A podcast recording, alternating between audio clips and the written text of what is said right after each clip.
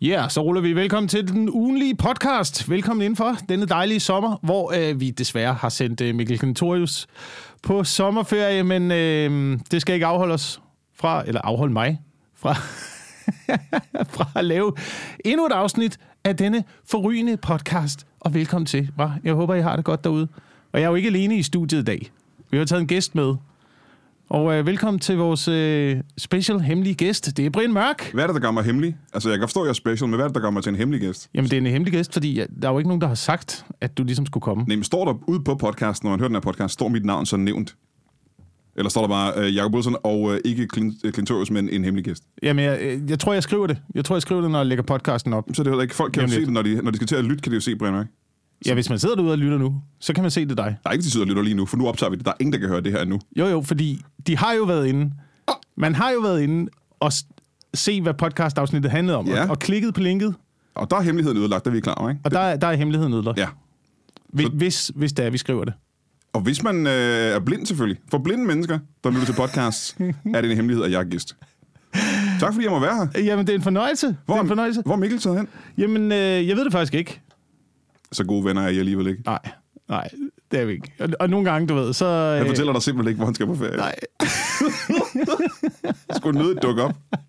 Han har bare sagt, han har bare sagt, jeg er ikke i den her uge. Hej, du, må- Jacob, du må er selv, du også du må selv styre det. Er du også nede ved Gardasøen? Ja, det er fandme mærkeligt. Altså, nogle gange, nogle gange har jeg indtryk af, at verden er lille. Har du prøvet det, hvor man tager på ferie, og så lige pludselig står et eller andet sted ved Gardasøen, eller det kan være på en havn, på Rodos, og så møder en eller anden, man kender fra for 10 år siden. Det er aldrig nogensinde sket. Er det aldrig sket? Hverken for mig eller for nogen andre, tror jeg. Jo, jo, jo. Jeg har, jeg har, jeg har gjort det flere gange. Jeg har gjort det flere gange, gået rundt i verden. Du ved, sådan noget øh, New York. Ja, Så hvad fanden, det skulle da Charlotte fra Folkeskolen. Hej, hvad laver du? det har jeg faktisk aldrig nogensinde prøvet. Jeg har prøvet at tage med nogen ud at rejse, og pludselig kunne jeg ikke finde dem. Og det er det modsatte af det, du siger der. Okay. Det kan godt være, at det bare er mig, fordi at jeg kommer fra øh, Slagelse. Øh, så dem, jeg møder, det er sådan nogle gamle venner, også fra Slagelse. Vi, må, måske, måske tiltrækkes vi bare af de samme turistfælder. Ah, det kan være. Jeg så og tænkte på, at folk fra Slagelse bare automatisk havde i blod, at de var sådan globetrotter, der bare rejste verden rundt konstant. Lad os se noget andet. Lad os se noget fucking andet. Men, øh, men du er jo også flyttet derned af, Brian. Du er jo øh, flyttet Hvor til, til øh, Kalundborg. Det er jo også Vestjylland, ikke? Det er nogenlunde... øh, Det er i hvert fald... Det, det er Vestjylland, det var ikke ret Det er Ja. ja. vestpå, ikke? Ja, Men det er så meget vestjyllandsk. Det er så meget vestpå, det kan komme på Sjælland, okay. før man uh, drætter i havet. Øh, ja, det er jo Kalundborg Fjord. Det er jo, det er jo et fantastisk sted. Jeg, jeg forstår ikke, hvorfor der ikke er flere, der er flyttet ned til Kalundborg. Det er et fantastisk jeg har sted, man har jo, man, jamen, du har jo hele Røstnespidsen, ikke? Der er jo havørredfiskeriet der i foråret, ikke? Og så er der, du ved, hele Kalundborg Fjord, hvor makrallerne trækker Ja, ind, ja, ikke? ja, det, jeg du, kan godt se det faktisk. jeg, jeg, jeg er bundet meget op på fiskeri Ja. ja. i forhold til, hvor jeg skal bo henne. Men hvis man ikke, hvis man er en af de, altså nu indrømmer jeg, at det er ganske få mennesker, som ikke bruger halvdelen af deres tid med en fiskestang i hånden, så er der bare ikke så meget andet tiltrækning, der bruge, vil jeg sige. Ja, ja, der er flot natur og den slags, men der er også andet i livet end lige præcis det. Ja, der er for eksempel tredobbelt skybrud i øjeblikket. Ja, ej, to, var det kun to dobbelt? Var det todobbelt eller tredobbelt sky, Jeg sad inde i min stue og skybrud? tænkte, det, det der, der er kun et enkelt skybrud, mm. tænkte jeg. Og da det var overstået, der tænkte jeg faktisk, det var et okay langt skybrud. Ja. Øh, men det er dejligt, at du er kommet ind i podcasten, Brian. Tak, tak. Øhm, hvad hedder det? Hvis man ikke, hvis man ikke kender Brian Mørk, skal jeg prøve at sætte dig ordentligt op. så er det fordi, at, øh, så er det fordi, at man ikke har været på, øh, på de sociale medier nogensinde i ens liv overhovedet. Øh, men ellers er du også ophavsmand til øh, det meget, meget berømte Brian Mørk Show, Ja. som jo øh, kørte ja. sin, øh, sit sejrsgang på øh, tv Ja, ja. for mange år tilbage. Hvor lang tid siden er det, Brian Mørk Show kørte? Jamen, øh, det kommer an på, hvad for en udgave er det, fordi Zulu-udgaven er vel øh, sådan noget 8-9 år siden, tror jeg, det sluttede. Øh, og, men så var der jo på, på Seymour, var der også et par sæsoner. Der var du sgu da med i. Ja, ja, ja. ja. Ja, ja. Så jeg tror, alt i alt blev det vel til fem sæsoner. Men det, og det på Seymour var to år siden, tre år siden.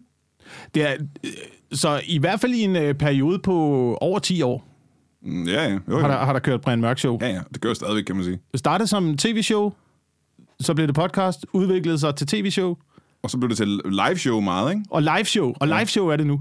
Og det er altid, det er altid en fucking fornøjelse at være med i, øh, i Brian Mørk Show. Ved du, hvorfor det er det? Ved du, hvorfor det er det? Fordi det er det sjoveste nogensinde. Ved du, hvorfor det er sjovt for dig? Ved du, hvorfor det er så skægt for dig? Det er fordi, at jeg ikke behøver at forberede noget som helst. Jeg kan bare sidde og improvisere. Ja, ja, det er det praktiske grund. Men det er, fordi du er en af de allerbedste, jeg gerne med i showet. Ah, tak. Du er en af de absolut allerskæggeste, jeg overhovedet har i showet. Du er et sikkert kort. Nå, jamen det er jo dejligt at vide. Det vil jeg gerne takke dig for forresten, Jacob Wilson. Tak, fordi du er sådan sikkert kort. mange tak. Sidder vi, nu bliver det bare sådan en, vi sidder og skamroser. Men Du det er jo, hvis, øh, du har faktisk ikke ros mig nu. Du har nej, nævnt det med fakta, men du har ikke rost Det kommer. Okay. Det kommer. Fordi hvis man heller ikke kender Brian Mørk Show, så skulle man til at gå ind og lytte til øh, podcasten Brian Mørk Show, eller komme ud og se Brian Mørk Show live. Øhm, det er et impro-show, hvor der gerne er øh, to til tre komikere. Er der, har der været tre komikere med? Nogle gange Ja, har der været tre komikere. været fire komikere med, fem komikere. Altså, hvis du tæller mig som komiker, har der været op til fem komikere. Okay. Brian Mørk er vært. Der er et antal komikere på den anden side, der improviserer.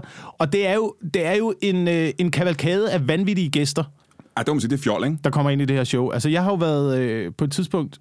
På et tidspunkt så har jeg jo været Andrea fra Kaj og Andrea, der mm-hmm. smuglede heroin sammen med øh, Jaja Hassan. Åh, kæft, hvor var det skægt, mand.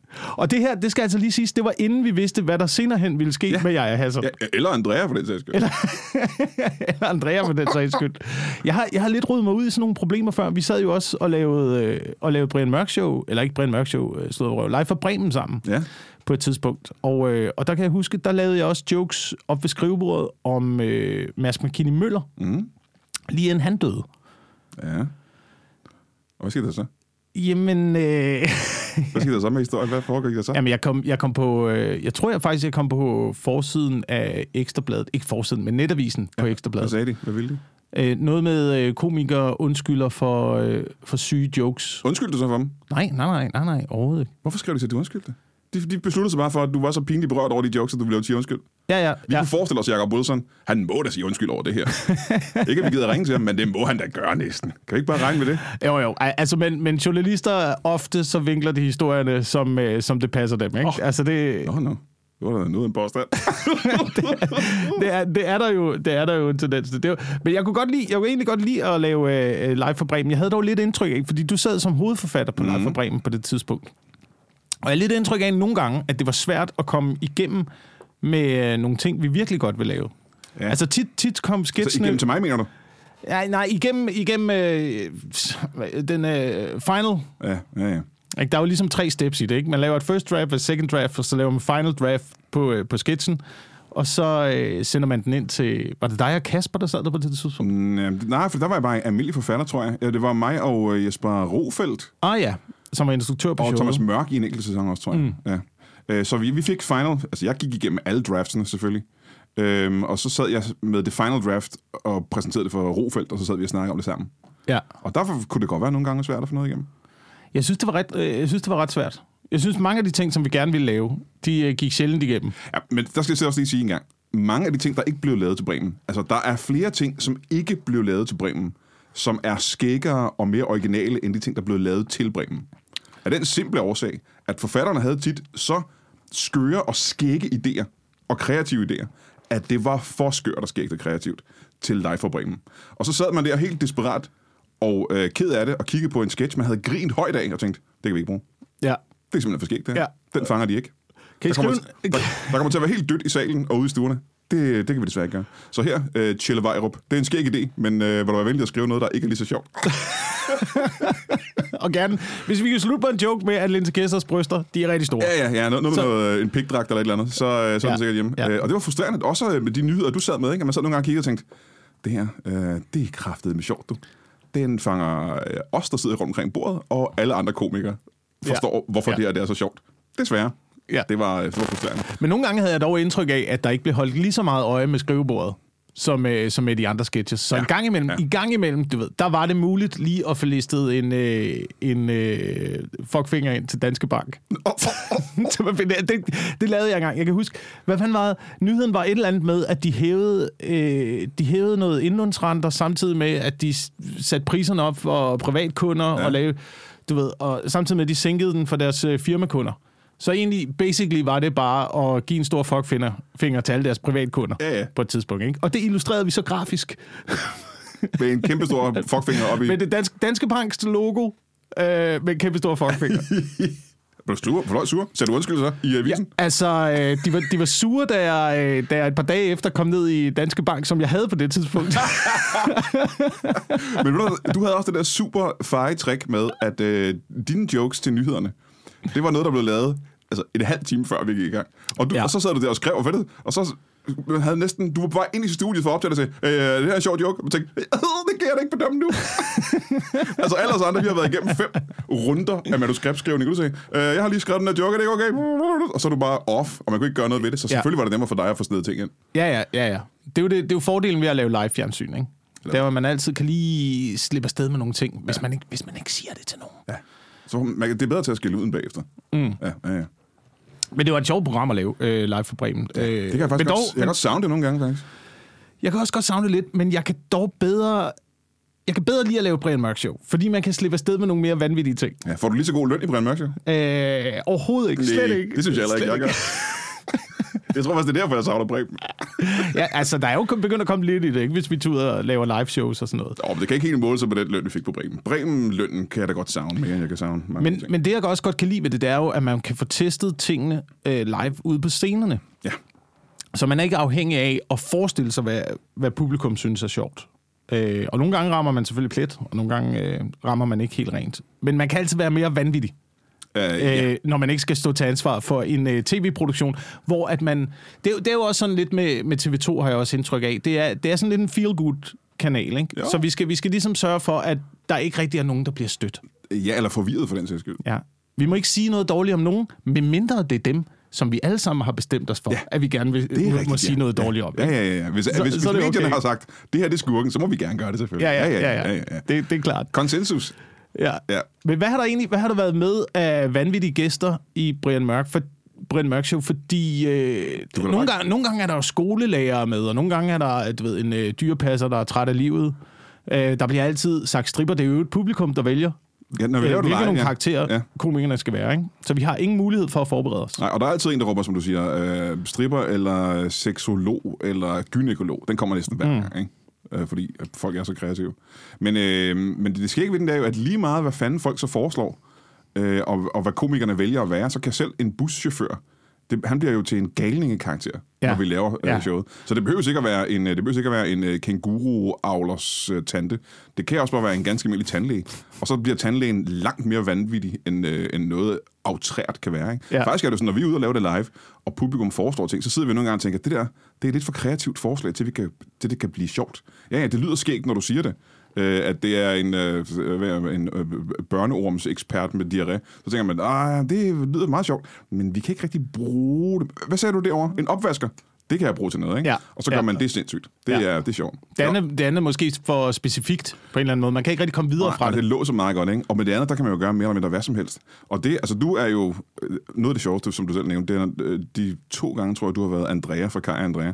Og det er jo en øh, forholdsvis øh, karakter, vi alle sammen kender. Vi kender alt til Andrea. Mm. Og vi kender hende, øh, vi kender alt sammen. Men når du så vælger at være Andrea, så tager du hende jo bare nogle veje, som ingen havde. For som du selv lige siger, at hun smuglede øh, coke. Og at, øh, hvad fanden var det også, hun gjorde? Hvad var det, du gjorde dengang? Var det Brian Lykke og dig, der var hvor hun var... Oh, Hvor, hvor hun var... Øh, hun, var ikke, hun sagde ikke, hun var jomfru. Hun var... Hvad fanden var det, hun kaldte? Pebermø, tror jeg, hun sagde. Nå ja, det er rigtigt. Og pebermø, det var en, der ikke havde prøvet noget som helst i verden. og så snakkede hun om alle de ting, hun godt kunne tænke sig at prøve. ja, det er rigtigt. øhm, men det er, godt, det er også godt. Og nu kommer vi til rosen jo, ikke? Fordi øh, det, det, jeg godt kan lide ved dig som vært på det show, det er jo, du er en fremragende vært på Brian Mørk Show. Fordi at du øh, ligegyldigt, hvor vanvittige gæsterne er, der kommer ind, så har jeg et indtryk af, at du altid godt kan lide dine gæster. Mm-hmm. Og, altid kan, og altid støtter dine gæster. Mm-hmm. Og det er jo sådan, jeg synes, er, at man er den bedste vært. Ah, ja. Det er dem der, der, der omfavner. Ja. Der omfavner alle, ligegyldigt hvor vanvittige de er. Ja, ja, ja. Men det er jo også nemmere for mig. Og for det første kan du sige, at du synes, at jeg er en god vært på Brian Mørk Show. Vi kan ikke vide, om alle mulige andre vil være en bedre vært på Brian Mørk Show. Skal vi lige sige med det samme? Nej. Jeg er bare den eneste, der har været det indtil videre. Ja. Uh, by default. uh, så, så man kan sige, øh, min fordel ved det, det er jo, at uh, alle gæsterne i Brian Mørk Show, det er jo mennesker, jeg kan lide. For det første, når de kommer ind i stolen, så er det jo mennesker, jeg kan lide. Jeg inviterer jo kun mennesker med, som jeg synes er rare og sjove. Så allerede der kan jeg lide dem. Men du kan jo også lide karaktererne. Ja, Det er det, jeg mener. Ja, ja, ja. ja. Øh, og det er selvom det er nogle grotesk modbydelige karakterer. Ja. Altså, der er jo, har også været seriemorder og krænker og alt muligt med i, øh, i, i showet. Men det er det, det er det, jeg mener. Det er bare for at bygge dig op til at sige, at Brian Mørk er måske en af de mest rummelige mennesker. Ah! forstår jeg det. som jeg har mødt. Omfavner seriemordere og Ja, ja. krænker og øh, folk, der smugler kokain og heroin. Og... Og folk af alle raser og køn. Ja. Øh, af alle køn, by, by the way. Ja. Øh, vi får meget kritik for, at vi ikke særlig mange kvinder med i Brian Show. Men, øh, Øh, men er der en grund til det? Der er flere grunde. For det første, fordi der ikke er lige så mange kvinder, som der er mænd jo. Mm. Og så fordi, at øh, dem, der er øvet og sjove, det er jo øh, folk, der har været i gang et stykke tid, og ved, hvad de, hvad de laver. Og, og de, alle de kvinder, der kommer nu, der kommer en helt hårde af kvindelige komikere. Og de er skide skæg, og de har masser af potentiale, og de skal nok blive fremragende. Men de har jo bare ikke lige så meget erfaring som en, øh, en Wilson eller en Lasse Remmer jo. Ja. Så, øh, så hvis jeg skal ud og lave det live eller noget, så er jeg nødt til at hive nogen ind, der er, der er skæg. Og så er der den simple ting, at øh, de tit siger nej. Når jeg spørger dem, så har de tit øh, ikke øh, lyst til at være med i Brian Mørk Show. Øh, ofte fordi de er i gang med noget andet, øh, men øh, også fordi de er sådan lidt nervøse for at lave det. Ja, Så, så jeg kan jo ikke tvinge dem i, i studiet. men det kan jeg godt forstå, fordi selvom man er komiker, så er det jo alligevel et sted, hvor man træder uden for sin øh, comfort zone. Ja, det er lidt scary, ikke? Øhm, men det mærkelige er, fordi jeg har arbejdet med impro øh, hele min karriere, også før jeg startede med at lave stand-up. Der Nå. var min, øh, min... Det første, jeg lavede, var faktisk... Eller det første, jeg lavede, det var at være med i, du ved, studenterrevyer. Ja. Øh, være med i øh, grupperne, der er underholdt til skoleafslutninger, og det der, du ved, altid stablet sådan nogle små shows på benene. Da jeg så var på universitetet, blev jeg involveret i en øh, improgruppe, hvor vi havde nogle øh, skuespillere fra det kongelige teater. Har du været der kom i en impro-gruppe? Ja, ja, ja. Det ja. er derfor, der er så god. Så jeg startede, jeg startede faktisk med, jeg startede med impro, øhm, og så blev jeg en lille smule træt af at være i en øh, gruppe der, der ikke udviklede sig lidt. Mm. Fordi man kunne godt mærke, at de andre, de synes det var sjovt at være med, men de ville måske hellere være, øh, øh, f- de ville hellere læse på universitetet, de ville hellere have et rigtigt arbejde. Ah, ja, okay. Og jeg ville ikke have et, Sikkerhed. Noget sikkerhed. Ja, noget sikkerhed. Ja. Og jeg vil gerne videre prøve at udforske den der del der. Og så fandt jeg stand-up, som var en, øh, som var en måde at øh, kontrollere det hele selv på, så man ikke var afhængig af nogen andre. Ja. Øhm, så jeg altid, jeg har altid haft improen som base, men jeg synes, at jeg har haft sværere ved at improvisere på øh, stand-up-scenen som mig selv. Jeg synes, det har været meget, meget nemmere at improvisere i en karakter. Ja, ja. Men ved, det, hvis man tager en maske på, øh, så er impro-situationen øh, meget, meget, meget, meget nemmere. ved du, det, gør, det giver sindssygt god mening. For det kan du huske, i, da vi lavede Brian Mørk Show på Zulu i sin tid, mm. det originale Brian Mørk Show, der spillede folk jo sig selv. Ja. Og det var meget skægt. Det var et meget skægt program. Jeg kunne godt lide det. Det var sjovt at være med i og sjovt at lave. Men øh, da jeg så fandt på at gøre, øh, at man skulle være karakter, i, da vi begyndte at lave podcasten, blev det jo bare 10 dobbelt sjovt. Ja. Altså fjollet meget mere skægt. Øhm, så måske er det jo, det er fuldstændig, hvad du siger med, at det er skæggere at være en karakter, der har mulighed for alle mulige ting, Ja. end at stå på scenen og skulle improvisere selv, som sig selv. Jamen, det giver helt mening. Klart. Og jeg synes også, det giver mening, når man, øh, når man ser på, hvordan... Altså, der er, er jo, der er jo en forskellig... Folk laver jo stand-up på forskellige måder. Øhm, og jeg er ikke så meget i karakter, når jeg laver stand-up. Så måske er det det, der er min barriere i forhold til at improvisere mm. i, øh, på, på stand-up-scenen. Ja, det kan jo faktisk godt være. Du ved, hvis jeg havde taget en eller anden karakter, jeg var på stand-up-scenen, så Ja. ville det måske have været nemmere. Ja, øh, hvis fordi du- jeg kunne gemme mig lidt. Hvis du spillede på scenen, Ja, hvis jeg spillede, Ja, hvis jeg ja. agtede mere. Ja, jamen det, det, jeg har det på samme måde. Jeg er heller ikke en, der spiller på scenen. Jeg har jo heller ikke en, en scenekarakter, kan man sige. Ja. Det havde jeg engang. Øhm, og der tror jeg faktisk, at... Øh, nej, der, der tror jeg sgu ikke, jeg var så god til at improvisere. Der var jeg også ny. Øhm, jeg tror, min force ved at improvisere på scenen, når vi laver ganske vildt stand-up, det er bare det, at jeg... Jeg har opdaget, at jeg slapper så meget af, ikke? at øh, efter øh, 14 år, hvor jeg var virkelig i panik, når jeg skulle på scenen, og ikke havde, jeg havde lyst til at være alle andre steder, nu går jeg på scenen og er ligeglad. Fordi jeg har den her følelse af, at lige meget, hvad der sker, så er det sikkert fint. og det betyder, at når du slapper så meget af, så bliver du bare bedre til at, øh, at gribe ting og improvisere. Ja. Du ved, når frygten er væk, så øh, øh, øh, kan, kan, kan du bedre være kreativ. Men det er også en hårfin grænse, ikke? Fordi man må ikke slippe den der frygt for tidligt.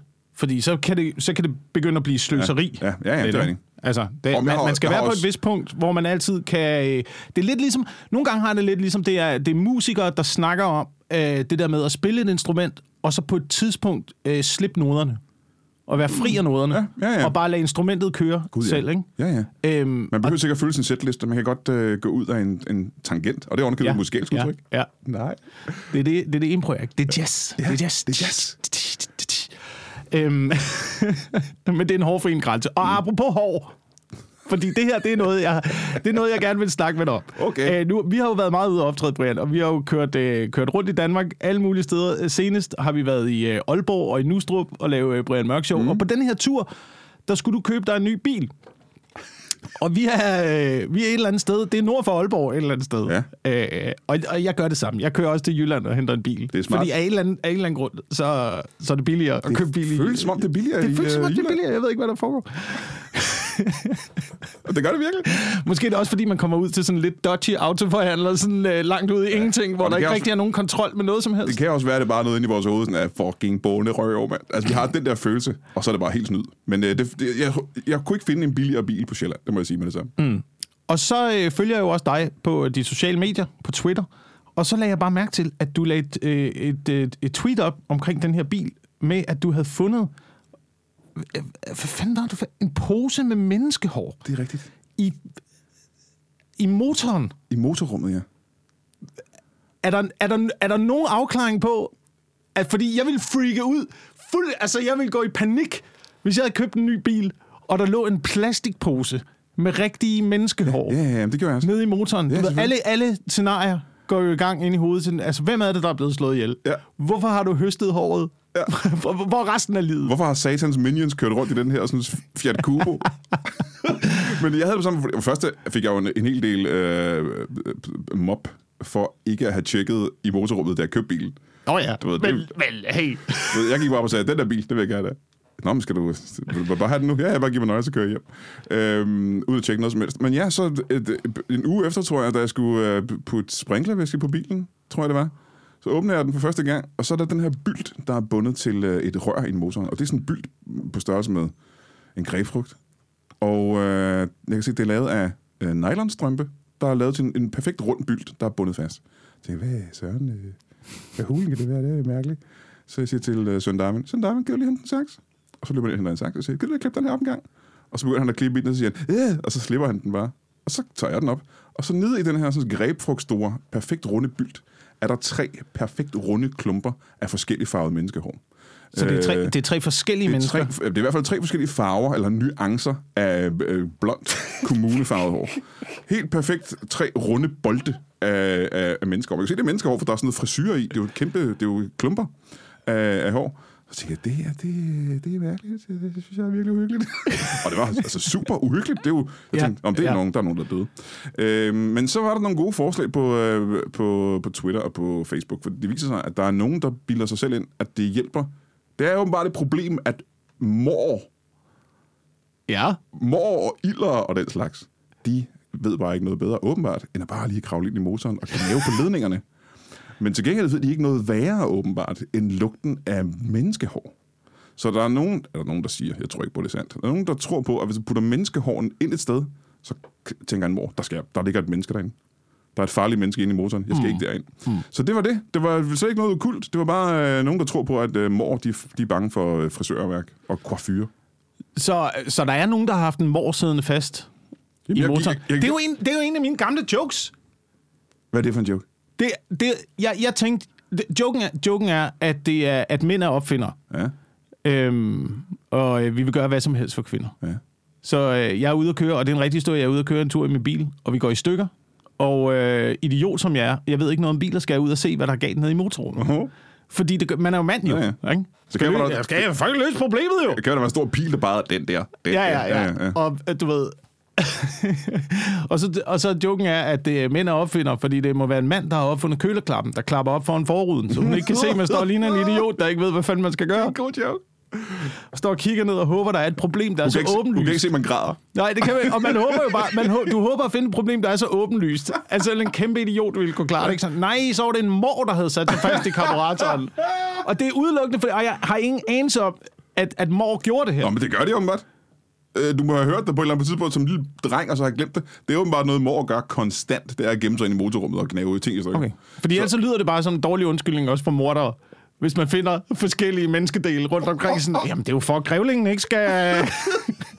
Vi har fundet den der pose med knogler og tænder i din... ja, ja, det er jo grave fordi... ned under terrassen. Det er jo fordi... Øh, Jamen, det er jo for muldvarpene jo. Altså, ellers så kommer de jo. helvedes, helvedes klædedyr, altså det er jo utroligt. Det at holde vipsene væk. Det er en sjov joke med den klap der. Det kan jeg godt lide. Det er skægt. Ja. Øhm, Men, men sådan, sådan er mænd jo lidt, øh, har jeg indtryk af i hvert fald. jo, Og nu, ikke- og nu skal man jo også passe på, nu skal, i disse tider skal man jo også passe på med at, med at generalisere så voldsomt. Ikke? Du skal i hvert fald.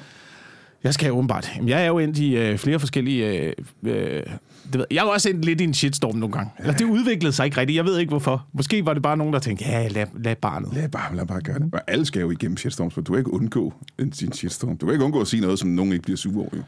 Nej, men, men jeg tror, man, jeg tror det, man, det man gør, når man siger, øh, sådan her er mænd, sådan her er kvinder, er jo også øh, det der generelle billede, man har af. Der er rigtig mange, der er sådan her, ja, og så er der rigtig mange, der ikke er sådan her. Ja, men overtallet Ja. Er måske sådan. Eller alle dem, jeg har kendt, der er overtallet af mænd. Ja, det, det er som om, man må ikke bruge statistik På den her måde. Nej, nej, nej, nej. Så, så, med 85 af dem her gør sådan, jamen så må du ikke sige, at, øh, at, at de gør sådan. Jo, jo, jo, for 85 af dem gør det. Jamen der er altså stadigvæk 5% der ikke gør. Jamen det er ikke det, man snakker om. Så snakker jeg om de andre. Så kan jeg kun jeg kan trække øh, empiri ud af de parforhold, jeg så har været i. Ja. Fordi øh, det, er åbenbart, det må man gerne. Man må gerne sige min kæreste. Jamen det tror jeg også, det er jo en stakket frist, du. Jeg tror, det er lige om lidt, at nogen siger, sådan skal du altså ikke snakke med din kvinde. Men det er det der med, at mænd, mænd nogle gange virker som om, at de er mere problemløsere. Altså det har jeg da også oplevet i mine forhold. Hvis der for eksempel er et eller andet teknisk, der går i stykker derhjemme, øhm, så er det jo altid, der bliver altid kigget på mig jo. Ja, ja. Du ved, skruetrækkeren bliver skubbet over i min retning. Så det er ud og øh, slukke for, ud og slukke for relæet. Ved du, du skal have? Relæet? Relæet? Hvor fanden sidder relæet? Ja. Jeg ved ikke, hvor relæet er. Det kan jeg sgu da heller ikke. Du skal have en, øh, du skal opfinde en transportabel motorhjelm. Sådan Lige meget hvad problemet er, kan du bare lige trække den op. Blok. Ja. sådan en, sådan en stor skærm, man kører ind foran hele huset. Ja. det der, er der ikke sådan et program? Der, der er sådan et program, sådan Jo, et jo, jo, makeover-program, jo, jo, kører jo, ind, jo. og så, så ringer man til nogen, der kommer og fikser det hele, og så kører man skærmen væk ind. Men det skal også være sådan, at man lige kan sætte op foran relæet, du ved, og lige op foran uh, det der lampe, der skal sættes op. Så ingen kan se, at man står der Ja. i grad og ikke ved, hvad fanden man laver. Ja. Det, er, det er meget sjovt. Men, men det er det, manden er en uh, problemløser. Hele min, uh, min nyeste shitstorm, uh, selvom vi ikke behøver at gå direkte ind i den, det er jo et godt bevis på det. Jeg har den her følelse af, at der er rigtig, rigtig mange, Uh, flest af dem, uh, du siger, de var alle sammen kvinder, men, men de var ikke alle sammen kvinder jo. Det var kun uh, langt de fleste. Men nu siger jeg, at de var alle sammen kvinder, fordi at uh, sådan uh, er uh, statistik. Og, uh, og de, var, de, havde, uh, de var alle sammen uh, frygtelig såret og uh, ramte forståeligt nok over, at uh, mænd kan finde på at forgribe på dem og voldtage dem. Det er modbydeligt, det er så frygteligt. Uh, og så sagde jeg, men uh, kan vi uh, måske finde en løsning på det? Og det er jo det, jeg ikke skulle have. Det var det, ja. man ikke skal. Ja, ja, Du skal bare sige, Brind, du skal lytte. Det fik jeg, du skal bare lytte. Lytte til de her kvinder. Og så, fanden skulle det hjælpe? Ja. Hvorfor, hvorfor, hvorfor skulle jeg hjælpe? Hvorfor skulle jeg bare lytte til de her kvinder? Jeg vil hellere undgå, at der kommer flere offer. Jeg vil hellere finde en løsning, at jeg vil trøste dem. Nej, nej, nej, nej. Du skal kraftedeme ikke komme her, du, som mand, og så gøre andet. Du skal ikke gøre noget som helst andet, end bare sætte dig ned og så høre på, hvad I siger. ja. Jeg er ligeglad med, hvad I siger. ja. Men det er, også, det er også fint, og man skal jo også, man skal også lytte til, øh, til mennesker. Men på et eller andet tidspunkt, så bliver man jo også nødt til at ligesom gå dybere og sige, jamen, hvordan kan vi undgå, at de her ting, de øh, sker Ja. i fremtiden? Ja. Øhm, men det, det var fordi, jeg kom til at tænke på det der med problemløsning, at forskellen er, tror jeg, i, det, i, øh, i mine parforhold har været sådan noget som, du ved, for eksempel hvis der er noget strøm, der ikke virker, eller hvis tv'et ikke virker, mm. eller hvis computeren ikke kan sættes op, eller hvad fanden det er, ikke? Ja, ja. så er det altid, den bliver skubbet over til mig. Så kan du lige, kan du lige fikse Ja, ja, det? Sådan noget, fordi jeg ved ikke, hvordan jeg gør, ja. siger hun så. Mm. Og så sætter jeg mig over ved computeren og siger, jeg ved heller ikke, hvordan man gør. Nu skal jeg finde ud af, hvordan man Men gør. jeg kan da prøve at se, om jeg kan løse det på en eller anden måde. Ja. Agtigt. Jamen, sådan er det meget. Det er, der sådan, så, det er sådan en ansvarsforskydning, øh, ikke? Ja. Du ved, jeg burde egentlig finde ud af det her selv, men... Far? det var det, det er. Far? Ja, og det har man jo også selv gjort som, øh, som, som ung, ung dreng og ung mand er i sit liv. Ikke? Der har man jo også tit ringet til far. Men på et eller andet tidspunkt, på et eller andet Jeg tidspunkt, så bliver Jeg, man nødt til jeg, at jeg er 47. tage ansvar. Jeg ringer der stadig til min far og siger, far, hvorfor er der morhår i min... Eller hvorfor er der, hun, hvorfor er der hår i min bil mod mor? øh, så man gør det der stadigvæk. Øh, men jeg vil sige, man har da lidt stolthed, hvis man selv kan klare ting. Ja, ja. Det er da først, man prøver at tænke, at det her, det kan, jeg, det kan jeg ikke lade sig gøre. Nu har jeg prøvet i 6 timer. Det dur simpelthen ikke. Ja. Jeg ringer lige til en, der måske ved bedre. Jeg ringer lige til Wilson. ja. Det, det, det, det synes jeg, der er fair nok. Ja, man får også lidt mere sådan noget... Øh, jeg synes også, man får lidt mere ro i kroppen, ikke? Altså ro i... Øh, men, mentalt ro. Ja, og så af at vide, at man kan, at man kan løse... Og så kan man gøre det næste gang. Du ved, så har vi ligesom løst problemet øh, i al fremtid. Det er Men- men meget, jeg meget har- nemmere. Jeg har bare oplevet, at det har været med, det har været med flere, flere elementer af det der med at måske løse situationen selv. Der har været lidt af det. Jeg kan huske, jeg kan huske på et tidspunkt, jeg skulle ud og flyve med min kæreste, og så, øh, hvad hedder det, jeg tror, hun havde klipklapper på, eller sådan noget, oppe i flyet. Og jeg tog, øh, jeg tog sko på med snørbånd. Med snørbånd. Jeg vil gerne have gode sko på, når jeg er oppe i flyet. Og vi snakker om sådan, hvorfor, hvorfor du gerne sko? Jamen, i det tilfælde, Ja, ja. i det tilfælde af, at... Øh, Jeg skal der, bekæmpe der, en er terrorist. der, der, ja, I det tilfælde, at jeg skal cirkelsparke en terrorist. Ja. Ja. Så, så hvis jeg ikke har snøret mine sko, eller hvis jeg har klipklakker på, Det kan gå så galt. du ved, det, kan, det kan gå galt. Ja. Jeg kommer ikke til at vinde over den terrorist. Eller jeg kommer ikke til at kunne løbe ud af flyet. Eller jeg kommer ikke til at... Altså, når, når vi styrter ned, så vil jeg gerne være mobil. Ja. Jeg, Ja, ja. jeg har fucking tænkt alle de fucking tanker ind i mit hoved. Det gør man jo, selvfølgelig gør man det. Og så spørger jeg så min kæreste, jamen, hvad, hvad vil du gøre, hvis der kommer problemer ombord på flyet? Jamen, enten så bliver jeg reddet, eller også så dør jeg. What? What? Det er sjovt. Jeg kan ikke gøre noget selv. Intet af det er op til mig. Enten kommer nogen og redder mig, eller også dør jeg. Det var det der. Jamen, du kan jo prøve at gemme dig, eller øh, skynde dig lidt væk. Ah, ah, ah, Ej, ah. ej, ej, ej. Og det er jo frygteligt. Det er jo øh, en 80'er actionfilm, hvor manden bare er nødt til at komme og redde kvinden, der bare sidder og siger, ah, og, ja. og skriger. Ja. Øh, du ved, prøv, altså, prøv, at være, prøv at være Ellen Ripley. Øh, prøv at være Ripley fra Aliens, og klar det her problem, som, som du ved, der kommer ikke nogen mænd og redder dig. Du kan måske gøre det her selv. Prøv, Ja. prøv for guds skyld. Øh, men Men det er øh, jo derfor, det er jo derfor at øh, lige præcis Aliens er sådan en, øh, er sådan en fed film. jeg har faktisk en Alien-t-shirt på lige nu. Aha, Med det er Ripley? Aliens 2. med Ripley, øh, som står med, med Newt på armen og en gun. Og det, der gør den så pissefed, det er, at hun ikke er en mand. Hun prøver ikke at være en mand i filmen. Ja. Hun prøver ikke at være en mand. Ja. Hun er en mor. Hun klarer bare problemerne. Jamen, hun klarer problemer, fordi der er et barn, som er hendes, øh, øh, hendes erstatningsbarn, kan vi sige. Men måske er, det, måske er det det, det skal være. Altså, måske er det der, øh, der det skifter for nogen. Det er, når man, når man bliver mor. Hvis der ikke er en til at klare det for dig, så må du gøre det selv, fordi du har ansvar for et andet barn. For Og er du det, sindssygt, mand? Ja, ja. Jamen, altså, nogle gange, når man ser nogle af de der... Øh, og jeg ved ikke, nogle gange er det enlige mødre og sådan noget, der klarer en fucking hel familie. Ja, ja, ja. Kommer ned til vuggestuen med tre børn spændt det Ja, ene ja. og det andet sted på kroppen, du ved, og sådan noget, og øh, holder to arbejder, og jeg ved fandme det er ikke, hvad det er. Det er jo superhelte. Kig på enlige møder i USA, ikke, som ikke har Ja, ja, ja, ja, en eller anden ja. ja. sikkerhedsnet, som Ja. ja. bare har, ja, som du selv siger, øh, tre jobs og fire børn. Ikke? Og det, de, de, jo- ja, præcis, de er badasses, mand. Mm. De kan fucking klare hvad som helst, øh, fordi at de skal gøre det. Fordi de ikke kan ringe til Wilson. Så kan du ikke komme, kan du ikke komme og gøre det her for mig? Jeg havde øh, et, et sjovt eksempel, som jeg har tænkt på sidenhen, var fuldstændig vanvittigt. Det var min, øh, min ekskone, øh, den gang vi var sammen. Hun havde heste. Øh, ja, det er sådan heste. Alle pigerne har heste i familien, dengang vi var gift. Øh, og jeg havde fået kørekort en måned før, tror jeg. Jeg fik sent kørekort. Jeg var i øh, slut 30'erne eller sådan noget. Og så øh, sagde hun på et tidspunkt, øh, Brian, gider du ikke, øh, kan du ikke køre ud i Berlingoen? Vi havde Berlingo. Kan du ikke køre ud i Berlingoen til den her lille landsby langt væk? Og hente en øh, dobbelt hestetrailer med to heste i? Og så køre den øh, her tilbage til... Så, hvad, for? Jeg, hvad, hvad siger du? Øh, jeg har haft kørekort i en måned, og jeg har aldrig kørt med en lille trailer. Og nu vil jeg altså køre med en helt stor hestetrailer med to levende heste i. Hvilket jeg fandt ud af bagefter er ulovligt, hvis Ja. du ikke Det må man ikke engang. Og så jeg, hvorfor vil du ikke gøre det? Ej, jeg kan simpelthen ikke lide det mørkt udenfor. Så, what? What? Hvad for, hvad for noget? Det er din heste. Du har kørt med trailer før. Du har haft kørekort i, i, i 15 år, men du vil have mig til at gøre det, fordi du mm. kan ikke lide at køre i mørke. Og så, så bliver det, så- og det, det her det bliver tåbeligt, fordi man som mand bare tænker, Nå, men det er jo min opgave så. Så skal jeg jo gøre det. Så har jeg ansvaret for at køre og hente de her to heste, hvilket er ulovligt og livsfarligt for hestene og alle mulige andre. Øhm, så jeg kører om natten til det her sådan, så bundegård og gænder to heste ind i en... Jeg har aldrig haft noget med heste at gøre. Du ved, Jeg sidder og tænker, hvordan får man heste ind i en trailer, de ikke gider gå ind i? Det brugte jeg ret lang tid på. Få lukket den, få spændt den fast. Kører helt langsomt med min Peugeot ud af de her mørke, mørke landeveje. Drejer forkert ned ad en landevej.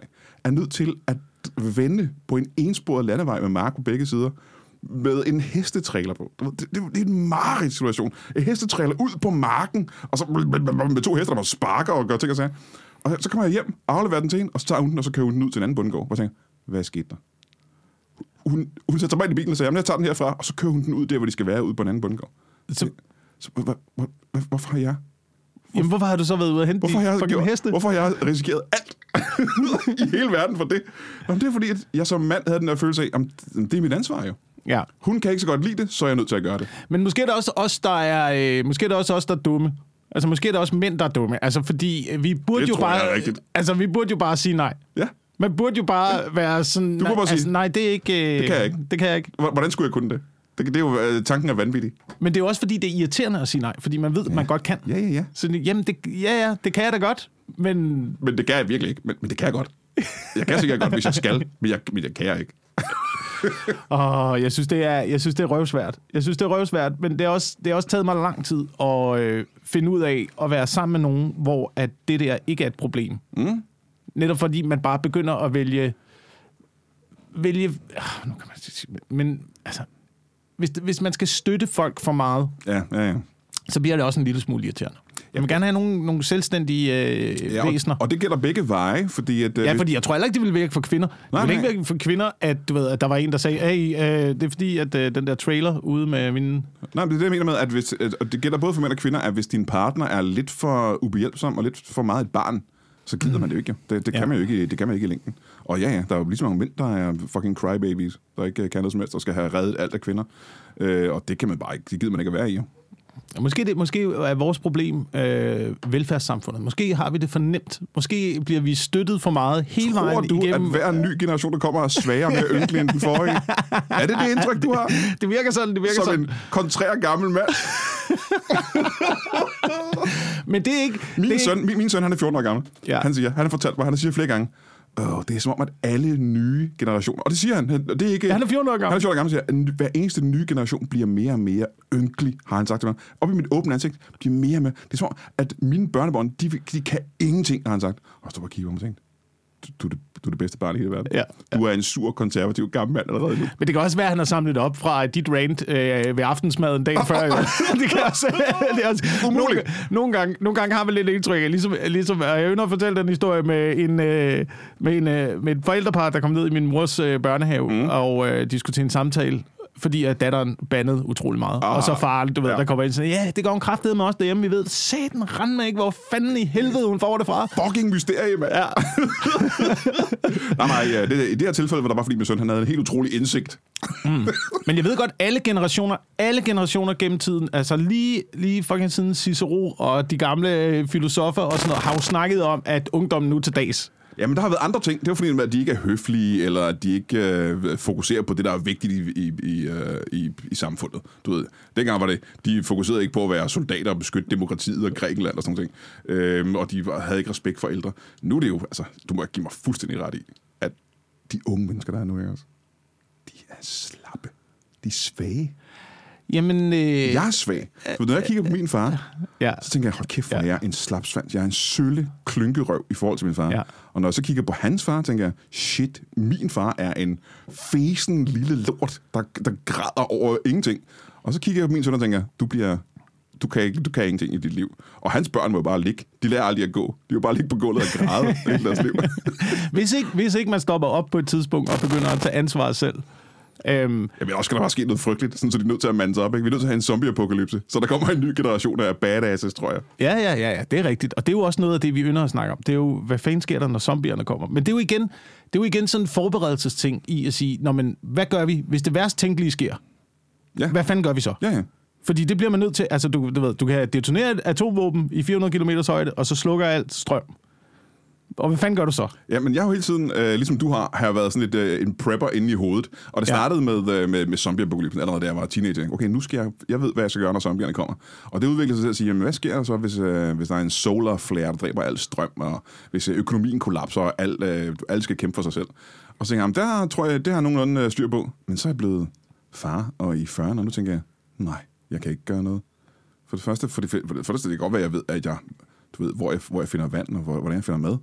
Men der er 5 millioner andre mennesker, der også skal finde mad. Du sådan, ja, men jeg tager ud i skoven ved Jyderup, og der er mange fasaner. Men der er 5 millioner mennesker, der tager ud i skoven ved Jyderup og fanger øh, fasaner. Jamen, så øh, tager jeg mine børn med op øh, i Nordsverige.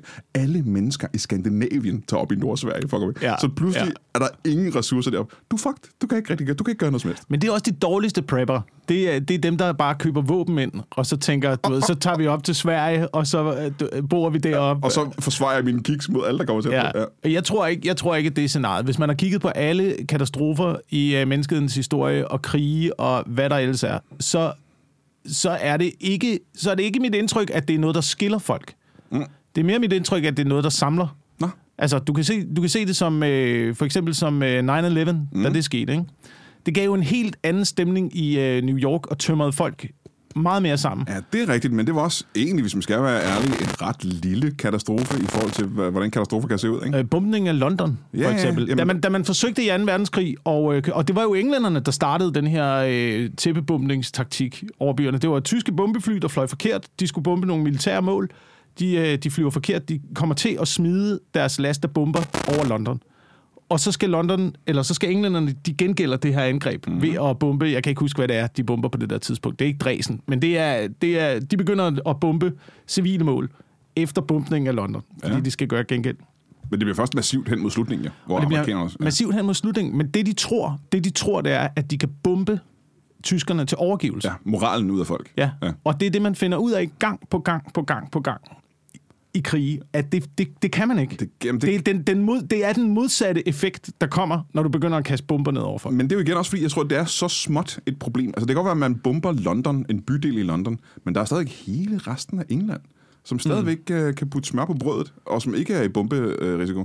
Du ved, hvis du tog smøret øh, fra brødet fra alle i England, du ved, hvis du bombede hver andet hus i England, Ja. så der ikke er nogen ressourcer, så tror jeg, det vil ændre sig rigtig, rigtig meget.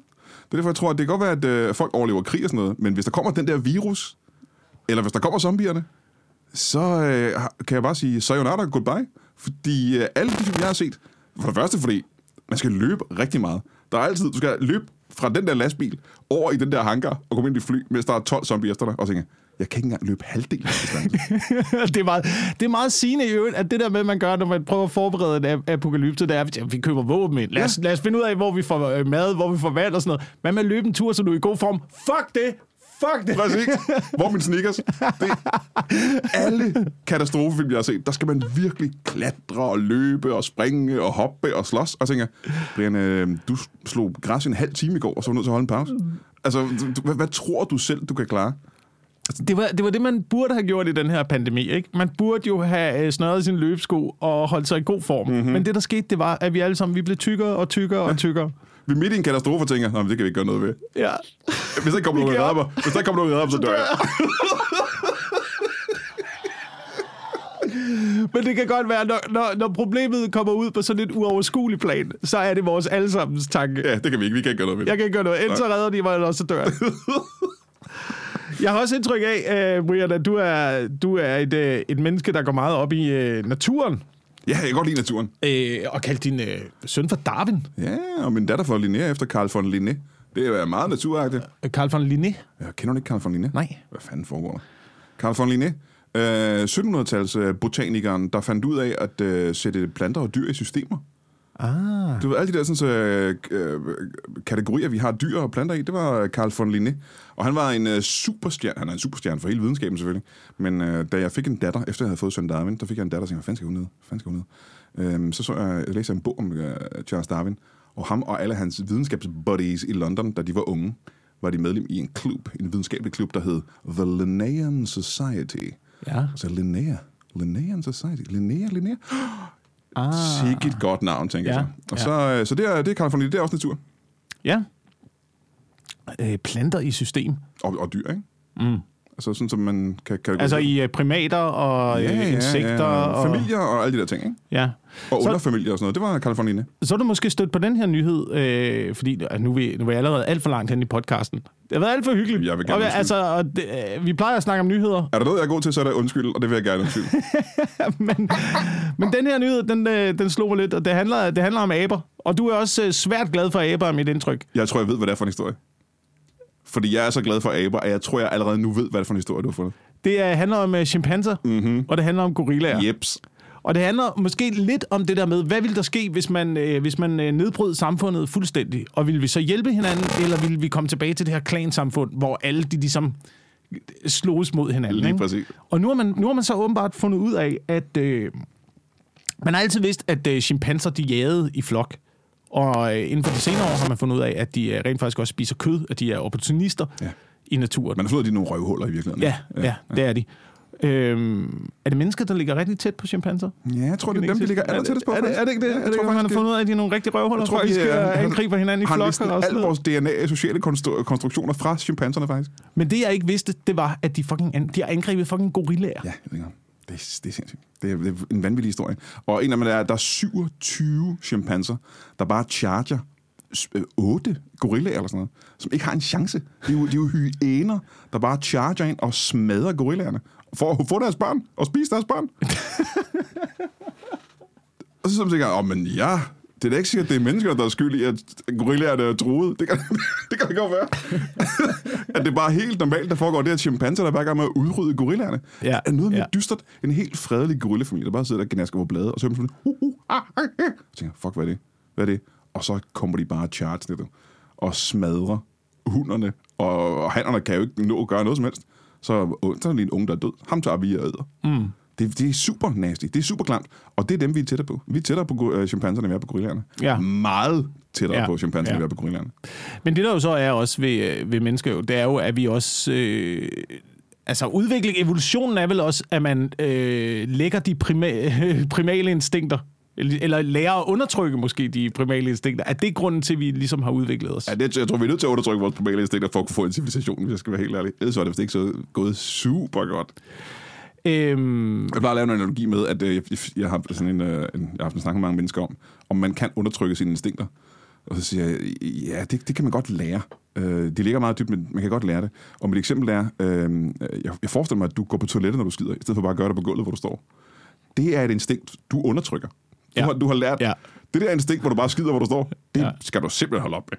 har du lært det tidligt, så selvfølgelig kan man øh, træne instinkter. Men kan vide, kan vide om også der, hvor vi er i dag nu, at ved at vi har så mange hjælpemidler, ved at vi ikke skal rigtig putte noget ind i vores liv, at det så er de primale instinkter, der mere bliver styrende for os.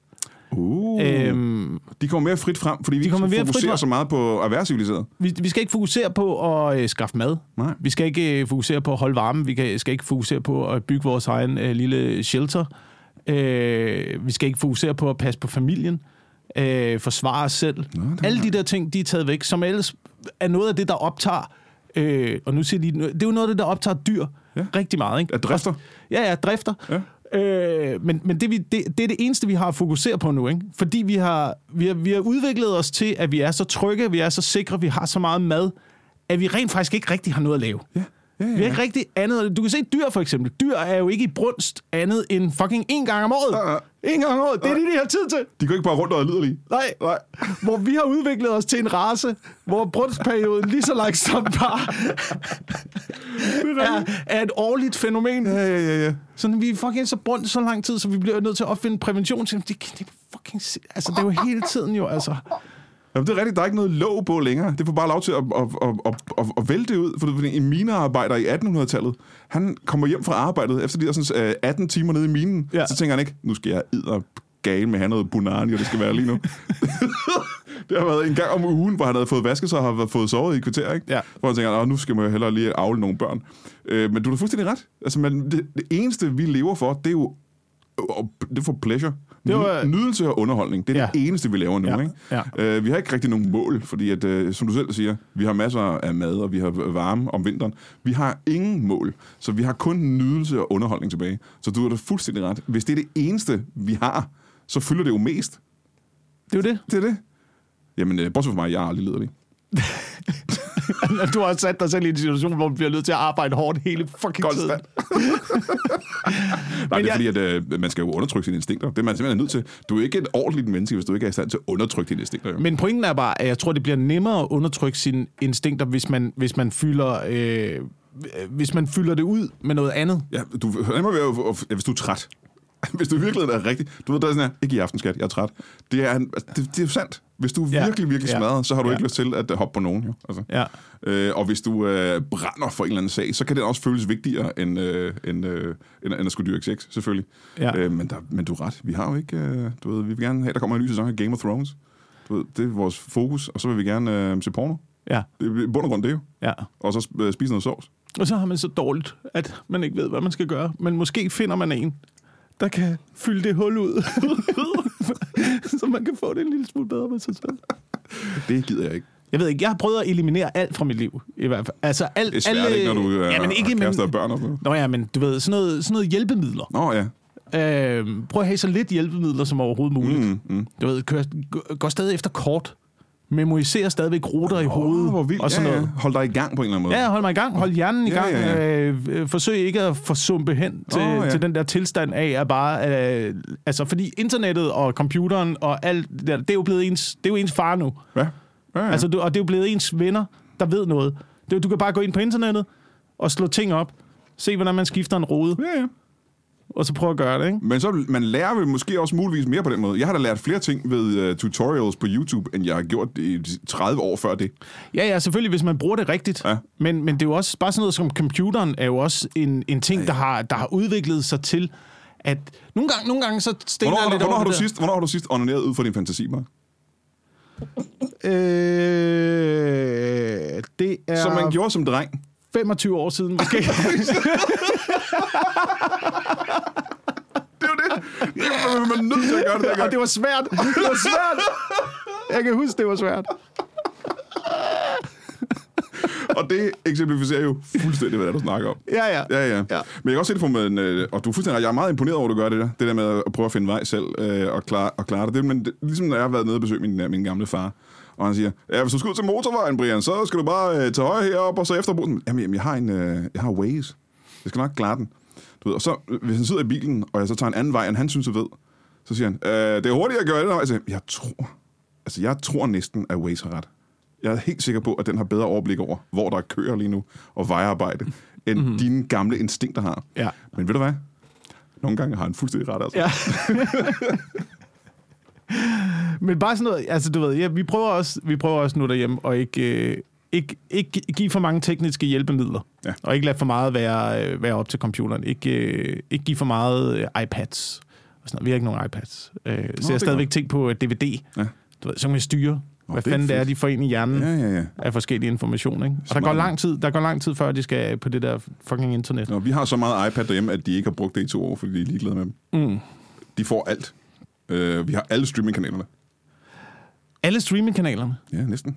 Hvordan fanden kan de navigere? Nå, de er også lidt større. Ja, de er lidt større. De er lidt større. De gider ikke engang at se. De bruger dem jo næsten aldrig. Men øh, du ved, internettet, vi skal, vi skal lige også vende internettet, fordi Ja. øh, vi er også ved at være øh, langt henne, Nå. ved vejs ende.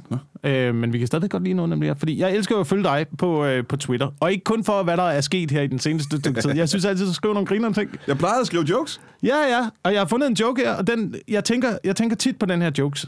Øh, det er, du skrev, wellness for mænd er, når konen tager på wellness. Det er det jo. Det er det jo. Det er jo svært glad for, men det er også, fordi jeg er en mand, der hader wellness. Wellness ja. er sindssygt. Jeg kan ikke forstå det.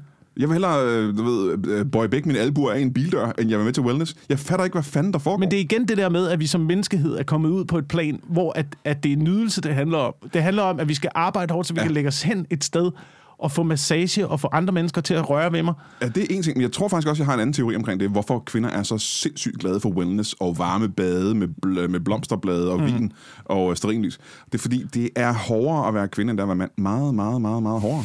Øhm, hele deres liv er lidelse, mere eller mindre. Så når, når en kvinde kommer hjem fra arbejde, så er hun mere smadret, end en mand er. Og hun er mere ked af det og træt og udmattet. Og det er hver eneste dag i en kvindes liv. Så når hun øh, når hen til øh, fredagen, så tænker hun, nu skal jeg kraftede med. Nu fortjener jeg og har brug for noget R&R og luksus. Øh, folk skal give mig øh, massage, jeg skal have mudderbad, jeg skal have hvidvin, jeg skal have rolig musik og stearinlys. Øhm, og som mand har man jo ikke på den måde. Når vi kommer hjem trætte fra arbejde, så lægger vi os bare til os over, og så gør vi på arbejde igen næste dag. Jo. Ja. Altså, vi har ikke, det er ikke så hårdt at være mand. Det er, det, det, det, det er langt nemmere for os at være i live, end det er for kvinderne. Så vi har ikke brug for wellness. Og som du selv siger, jeg skrev det engang, så vores wellness, det er de der fire timer, hvor hun er til wellness. hvor vi kan lave det, vi lige har lyst til. Så kan man lige male sin Warhammer-figur, eller se den film, man gerne vil se, eller spille Playstation, eller spille fodbold, eller kigge på porno. Øh, og så er vi klar igen. Men det er jo det, min tese nogle gange er også, hvorfor, hvorfor det går så galt i parforhold nu, ikke? Altså, mm. Men det er jo det der med, at man, der er fucking aldrig tid til at være alene jo. Nej. Fordi man altid, jeg skal, jeg skal ikke, jeg, altså, du må selv finde på noget jo. Hvorfor er det mig, der skal tilfredsstille dig? Hvorfor skal jeg underholde dig? Ja, Far! Hvorfor tror du, jeg har været single i 11 år? Helt seriøst. uh, Jeg har altid til mig selv nu. Det, jeg har kun tid til mig selv. Jeg har ikke datet. Jeg har sagt nej til alle dates i 11 år. Og det har simpelthen, jeg er ked at sige det, været fremragende. ja det, er, det er fremragende at have Det den frihed selv, ikke? Fremragende. Jeg, jeg, skal lige, jeg skal lige huske at sige, nu, nu er vi også noget dybt i den her snak. Jeg fik en besked fra Mikkel, der jeg skrev, at øh, hvad hedder det, han var på ferie. Ja. Jeg havde fået øh, dig ind som medvært i øh, programmet. Og, Og og så, det- så, det- så sender han en besked tilbage, hvor der står, man er væk 20 minutter, og så trækker du os alle sammen ned i faldet. Det er det sidste afsnit af jeres podcast. oh, God, Men, men tak fordi jeg måtte være med, du. Ja, men må jeg lige sige en ting, fordi der har jo været, øh, der har jo været øh, en øh, shitstorm under opsejling. Ikke opsejling. Den er i fuld gang. Den er, Den er ikke, stadigvæk kørende. Ja, ja. Et eller andet sted, jeg forstår, jeg, altså, det der, det der sociale medie-ræs der, jeg, mm-hmm. jeg, jeg holder mig en lille smule ud af det, fordi jeg synes, det er menings... For mig er det meningsløst at diskutere sindssygt svære problemstillinger, sindssygt komplekse problemstillinger, på et medie, hvor du ikke kan kigge folk i øjnene, hvor man ikke kan se noget som helst mimik, hvor man ikke kan høre ironien i tonelejer, ja. og hvor man kun har 150 tegn til at udtrykke sin Ja, ja, holdning. ja, ja, ja, det det, er, det er fucking meningsløst. Det er et dødt løb. Du kan ikke vinde. Det, det kan ikke lade sig gøre. Altså, Der er ingen grund til at gøre det. Hvis, øh, hvis alle verdens ledere i 60'erne havde, kun havde kommunikeret hjælp af Twitter, så havde vi været en udbumpet atomørken den dag i dag. Det er Ja, ja. helt sikkert. ja. Hold da kæft. så det, er- altså, det, det, det, det er et vanvittigt sted. Ja, det er det sgu. Men det, der interesserer mig lidt ved, øh, ved når der så opstår en shitstorm, fordi det er jo også lidt, har jeg indtryk af, at du bliver ved. Jamen, det er, for jeg kan ikke sige nej til, når de anklager mig for et eller andet, så er jeg nødt til at svare. Jeg, sim- hvis de siger en eller anden løgnehistorie, så Ja. kan jeg bare, så folk siger, ved du hvad, Brian, lad dem lyve. Lad dem sige alt, hvad de overhovedet kan. Bare meld dig ud. Tag 14 dage væk fra Twitter. Det kan jeg... De, de er helt uhederligt, at de er i gang med at lyve om mig. Det må man simpelthen ikke. Nogen må gøre noget. Ja, ja, og jeg ved fandme ikke, hvad man skal gøre, fordi... Øh, ja. Alt sådan noget her, det begynder at snige sig ind alle mulige steder. Men, men det, der, det, der er ved det, det, der er ved det, det er, jeg synes, det er interessant, at, øh, at der kommer, at, at det der med, at man siger, at, at du, er, du er så forfærdelig, fordi du skriver ting på nettet. Mm-hmm. Og så, øh, opstår man, så opstår der en shitstorm. Mm. Og, men hvis man skal tage det bogstaveligt, så er en shitstorm jo øh, en masse lort, som bliver, som bliver kastet på dig. ja, ja indtil videre virker det meget sådan. Det, det, er, det er jo en shitstorm. Ja. Så det er ikke dig, der kommer med noget. Nej, nej. Det er alle mulige andre, Ja. der kaster. Jamen, jeg skal sige, jeg vidste heller ikke, jeg startede i shitstorm, altså. det, Og nu har vi snakket så meget om aber. Mit indtryk af er, at det kun er primater, der kaster med deres egen afføring. ah, der var den. Der var sløjfen. Så jeg synes, Åh, oh, det kunne jeg godt lide.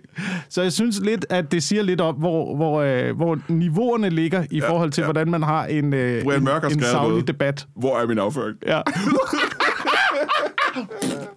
Åh, det var smukt. ja. Det var godt lide.